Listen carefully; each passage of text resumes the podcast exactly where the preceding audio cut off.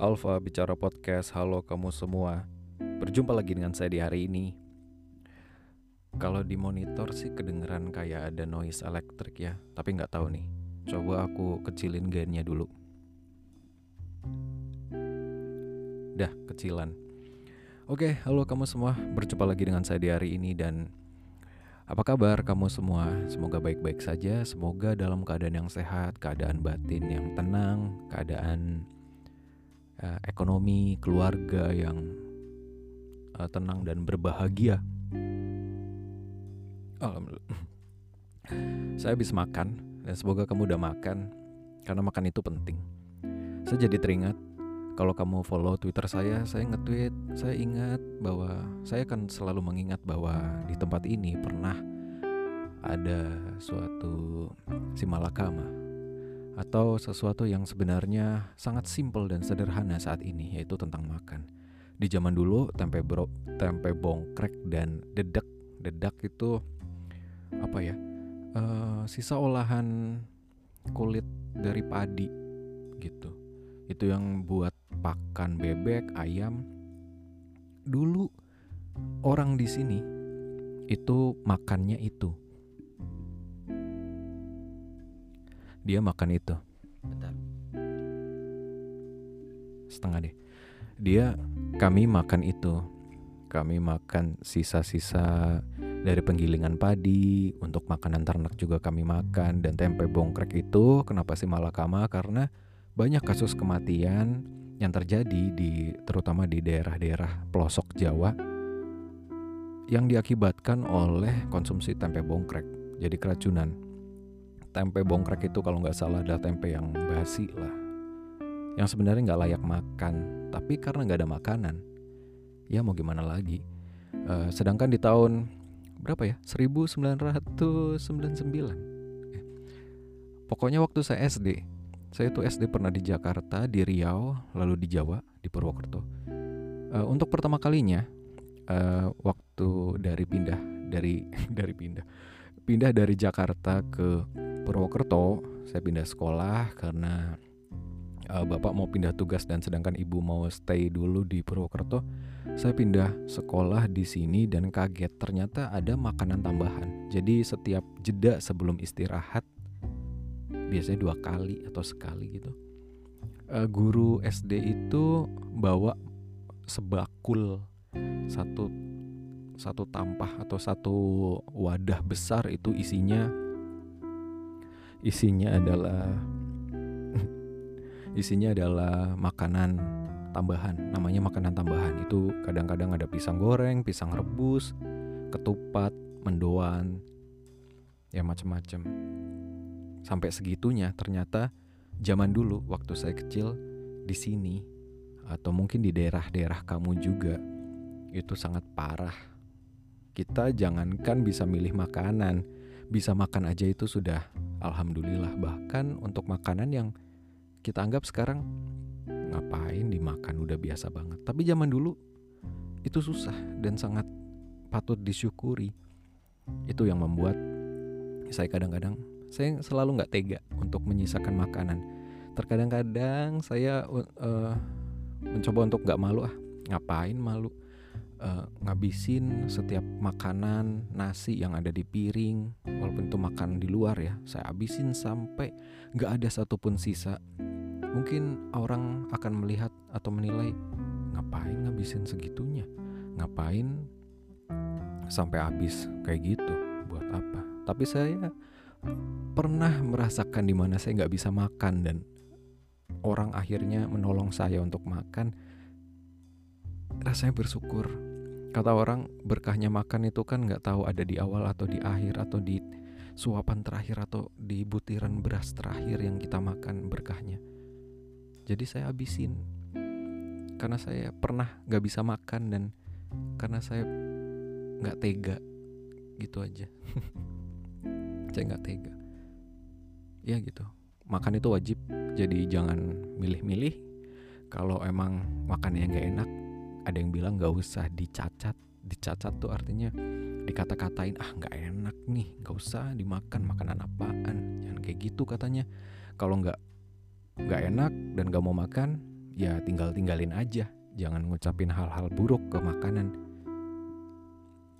Ada yang bilang gitu.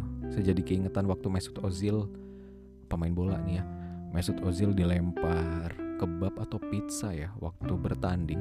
Waktu dia masih di Arsenal dia dilempar oleh penontonnya ini fansnya rival. Dia dilempar lalu dilempar makanan. Lalu dia nggak buang tapi sebelum dibuang dia cium di mulut di kening di mulut di kening. Tanda menghormati makanan. Ya kak ya karena memang apa pun itu harus dihargai dihormati bahkan ke benda mati. Ke benda mati sekalipun yang nggak bisa ngomong nggak nggak bernyawa kita anggapnya dan saya juga jadi keingetan waktu saya masih latihan karate.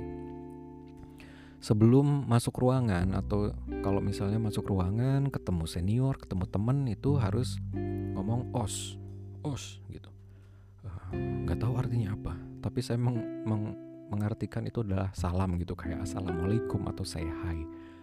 Uh, ada di su, di suatu ketika ketika pelatih saya bilang kalau mau ngapa-ngapain masuk ke mana aja bilang os dulu. Os itu buat apa sih? Pelatih saya bilang untuk menghormati ruangan. Karena di sini bukan cuma kita, ada orang lain dan ruangan ini juga kita anggap hidup karena kita anggap sebagai berkah. Karena berkat ruangan ini kita jadi bisa latihan melindungi kita dari panas dan hujan gitu. Kita menghormati ya gitu kita harus saling menghormati nggak cuma ke orang atau hewan atau tumbuhan ke semuanya. Karena kadang makan minum main punya sesuatu adalah privilege. Tidak semua orang bisa mempunyai dan berkesempatan untuk memiliki hal itu. Jadi kita harus menghormati. Apa sih yang mau kita banggakan kan? Kita dari ada ke nggak ada. Ini kenapa jadi dakwah Oke, kali ini saya nggak tahu mau ngomongin apa dan terbiasa unscript. Kalau unscript berarti seadanya yang ada di kepala saya. Kemarin saya sudah membagikan cerita sebelum tidur. Itu adalah cerita yang galau dan hmm, nggak hmm, tahu ya. Saya cuma pakai perekam di handphone aja tanpa aplikasi. Biasanya saya pakai Dolby On buat ngebus lagi ngebersihin lagi beberapa kualitas audionya. Kemarin ternyata kacrut banget jelek banget ketika disambungin sama back sound. Back sound yang langsung dari anchor. Dan saya nggak tahu nih saya udah naikin gain. Kemarin gainnya kayak kekecilan ini udah saya naikin lagi. Dan mungkin nanti akan saya naikin lagi di tengah-tengah biar ya paling nggak ada ada bedanya gitu. Nih saya naikin dikit ya nah udah udah saya naikin dikit. Saya naikin dikit bagaimana? Di monitor sih kedengeran banget noise ininya tapi nggak tahu kan. Ya daripada kekecilan. Um, lalu ya saya jujur aja memang uh, memang uh, apa adanya kalau buat konten apa yang mau saya ceritain atau lagi saya rasain pengen saya bagi. Dan saya itu nggak punya banyak tempat cerita untuk hal-hal sedih. Saya mungkin pernah bilang ke kamu kalau membagi kesedihan bercerita itu bisa uh, sedikit melegakan perasaan kamu dan ada beberapa dari kamu juga yang ngirim cerita saya baca ada yang saya balas dan saya mohon maaf untuk saran-saran yang memang tidak mungkin tidak selalu sesuai dengan kamu tapi apakah kamu terbantu ketika ada seseorang yang menemani ada tempat cerita. Uh, mungkin harusnya harusnya iya sih harusnya terbantu. Dan saya tidak punya tempat cerita itu. Ada orang tua ada sahabat ada teman. Tapi untuk hal yang saya anggap personal kadang-kadang saya terlalu malu untuk jujur menceritakan apa yang terjadi. Karena sebetulnya saya nggak bisa bilang atau mengelompokkan diri saya introvert atau extrovert karena nanti self diagnose saya nggak tahu apa ambivert atau apa saya nggak tahu tapi yang jelas untuk beberapa hal saya memang tertutup dan saya punya sedikit kesulitan untuk me menyesuaikan diri dengan orang. Mungkin untuk beberapa orang yang saya kenal uh, dengan tujuan berteman, teman kantor, bisa jadi teman main atau teman ngobrol biasa. Itu kamu akan punya kesan yang beda ketika saya punya tujuan untuk hal yang romantis. Ini self climbing lagi mungkin, tapi itu yang saya rasain. Kamu akan menemukan saya itu jadi orang yang beda. Ketika saya itu nganggap kamu emang ya just just for friend lah atau teman lah atau atau kolega relasi biasa. Tapi ketika seseorang itu spesial, saya cenderung bingung dan terlalu takut untuk bebas, untuk bersikap biasa aja dan luas.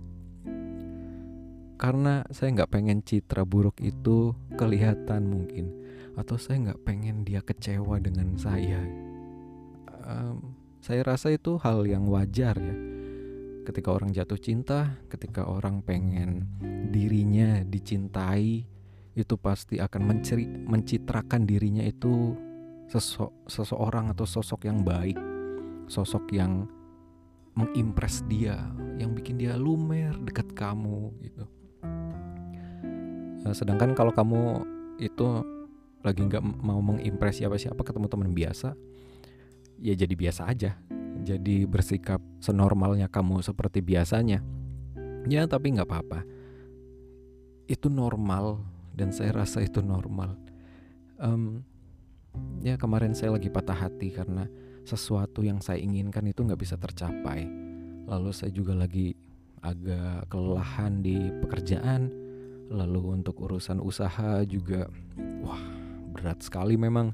Sedang serat-seratnya, sedang sepi-sepinya. Walaupun saya juga kadang-kadang main waktu itu rame-rame aja di tempat lain tapi kok kenapa di sini agak seret gitu ternyata ya harusnya memang ada yang salah dan bingung mau mau nyoba apa lagi nih memperbaikinya dan sedangkan ada tim dan ya gitu deh adalah tantangannya ada ada ujiannya gitu dan itu memang harus dilakukan dan kalau emang pengen berkembang itu harus dipecahkan fokus ke solusinya bagaimana dan ini insya Allah lagi progres tapi jujur emang menyita pikiran sekali ketika di umur saya yang udah harus berkewajiban mencari uang, memikirkan pekerjaan atau hal-hal lain yang pengen saya fokuskan. Lalu ada prioritas lain yang memang saya pilih untuk memprioritaskan waktu, pikiran dan perasaan di situ. Dan saya ternyata down di situ patah. Dan ya saya tahu saya pernah bilang saya punya sifat jelek yang saya kenal dan saya tahu banget dari dulu. Dan itu adalah kalau saya down itu butuh waktu yang sangat lama. Butuh batu waktu yang nggak sebentar buat sembuh dan itu sangat buruk sebetulnya dan itu tidak profesional. Saya akui dan Kemarin saya sempat bolos nggak berangkat kerja. Karena hal ini saya mau healing dulu. Dan saya dengan sadar ya saya mau menerima konsekuensinya nanti kalau misalnya emang di SP atau diberi peringatan. Nggak apa-apa saya gentle untuk menghadapi itu karena itu kesalahan saya tapi memang itu yang saya pilih. Karena saya nggak bisa multitasking sebagai laki-laki yang seperti ini gitu yang hmm, tidak setangguh beberapa laki-laki yang lain. Saya sadari itu kelemahan saya dan saya rasa saat itu keputusan keputusan terbaik adalah untuk rehat dulu untuk nggak pikir macam-macam dulu. Saya pengen sembuh dulu mencari cara bagaimana biar balik lagi. Karena dulu saya pernah merasakan hal yang mirip-mirip kayak gini. Itu berakibat pada skripsi saya molor sampai tiga tahun. Um, akumulasi mungkin ya. Kita saya nggak bilang karena masalah itu doang yang buat saya down. Uh, itu mungkin pe, pemicunya aja sedikit pemicunya aja. Bukan sumber utama kayak bis bukan masalah yang satu-satunya yang membuat down gitu. Itu pemicunya aja dan akumulasi sih waktu itu. Saya kehilangan orang kehilangan seseorang dan akhirnya menunda-nunda proses pengerjaan skripsi sampai di ah bulan depan ah bulan depan sampai setahun sampai dua tahun sampai saya bingung ini terakhir saya ngapain ya? Konsentrasi saya ini lagi lagi ngurus apa ini? Padahal kalau boleh sombong. Saya tuh udah mikirin skripsi judul skripsi dan fokus saya tuh ke pendidikan karakter. Itu waktu semester 1 itu dari semester 1 ya karena ada mo emos ada apa tuh namanya? Ya masa orientasi gitu dan senior bilang harus mulai dicicil dan dipikir dari sekarang. Itu benar-benar saya pikirin. Dari semester 1 saya udah mau bikin skripsi ini. Lalu saya ada praktek ngajar di semester 6 saya udah sambil 6 apa 7 ya? Ya gitu deh 6 atau 7 awal-awal itu saya udah ngajuin proposal skripsi. Dan udah setengah jalan skripsi udah ACC dan itu saya tinggal di situ. Itu saya tinggal di situ. Kalau mau cepet bisa dan ternyata ya memang ada orang yang bilang dan akhirnya saya menyimpulkan untuk menyelesaikan sesuatu nggak harus sempurna dulu yang dibutuhkan untuk menye menyelesaikan beberapa masalah ya mungkin dari kasusnya mungkin skripsi kayak gitu. Bukan seseorang yang pintar atau punya wawasan yang luas tapi keberanian buat mulai dan pantang menyerah. Salah coba lagi males lawan kerjain kerjain dulu deh pokoknya. Dimarahin dosen ah nggak apa-apa dimarahin lagi udah biasa pantang menyerah ya nggak nggak harus hasilnya sempurna karena kalau sempurna itu nggak ada dosen saya ada yang bilang jangan mengharapkan sesuatu yang wah penelitian atau hasil penelitian yang wah dari anak-anak semester eh, anak-anak S1 gitu sarjana Ya karena mereka adanya seperti itu. Mungkin kalau S2 atau doktoral nanti mungkin lebih perfect lagi, lebih idealis. Tapi mereka uh, dosen saya dulu bilang, "Ya, kamu emang segitu doang." Saya udah nguji macam-macam mahasiswa. Dan ya memang tidak harus perfect. Ya salah kan nggak apa-apa. Nanti kita belajar yang penting. Ya begitu. Hmm, mungkin saya tidak akan memberikan usulan. Saya pengen malah dikasih usulan sama kamu. Apa yang harus saya lakukan ketika patah hati? Dulu-dulu kan saya udah ngasih saran. Dan ternyata memang berat. Itu konsekuensi orang yang merasa dirinya bisa dan tahu. Ternyata ketika diuji oleh Tuhan, ini mungkin ujian saya belum lulus ataupun nilainya tidak sempurna, tidak sekeren yang kita kira. Ya begitulah. Kalau kamu mau ngasih saran, silakan aja di email di alfabicarapodcast@gmail.com. Saya tunggu sekali karena saya butuh. Dan bicara sendirian seperti ini di mobil tuh healing banget buat saya ketika saya ngerasa nggak ada orang lagi yang bisa saya ceritain secara bebas. Kadang-kadang mau cerita ke orang tua takut orang tua sedih. Kadang-kadang mau cerita ke temen, teman itu juga lagi ada masalah. Dan saya nggak bisa itu nggak enak lah. Kan kita tahu bahwa ketika orang ngobrol dia interest atau tidak interest itu bisa kelihatan kalau kita peka ya sambil mainan HP atau matanya ke sana kemari atau kakinya apa ya ngetuk-ngetuk lantai dengan cepat atau gimana. Itu tandanya dia nggak interest atau udah bosen. Ya nggak enak kan kalau misal kita cerita ke orang yang nggak benar-benar mau tahu cerita kita.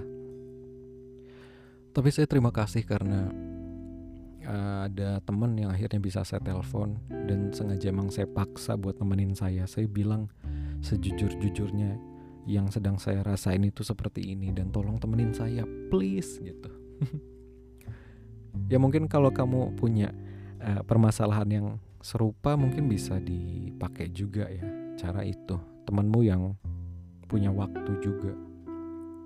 Ya mungkin bisa dicoba seperti itu. Um, udah 20 menit nih. Ya semoga kamu sehat selalu.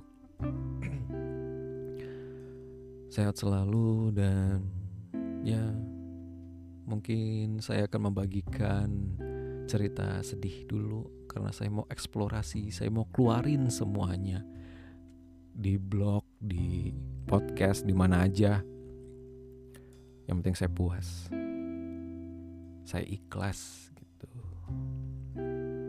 Ujian, ujian dari Tuhan dan dan atau konsekuensi dari langkah yang diambil sendiri. Jadi sebenarnya Tuhan itu ya udah terserah kamu. Kamu milih jalan yang mana, tapi konsekuensinya ini ketika kamu jalan dan milih konsekuensi itu tapi gagal, gak kok salah saya. Bukannya kamu yang milih sendiri, kamu udah tahu konsekuensinya gitu. Jadi nanti kita akan menertawakan diri kita sendiri. Ya sekian dulu episode kali ini. Uh, jangan lupa kritik saran bisa di alfabicarapodcast@gmail.com. Kamu bisa juga kirim saran saya bagaimana sih cara menghadapinya hati yang sedang gundah gulana dan patah hati gitu kasih saran ke saya please kamu bisa kirim email atau bisa DM di sosmed saya Faiz Jilang atau Alfa Bicara Podcast. Terima kasih sudah mendengarkan. Sampai kita ketemu lagi di episode selanjutnya Alfa Bicara Podcast. Signing out. Bye bye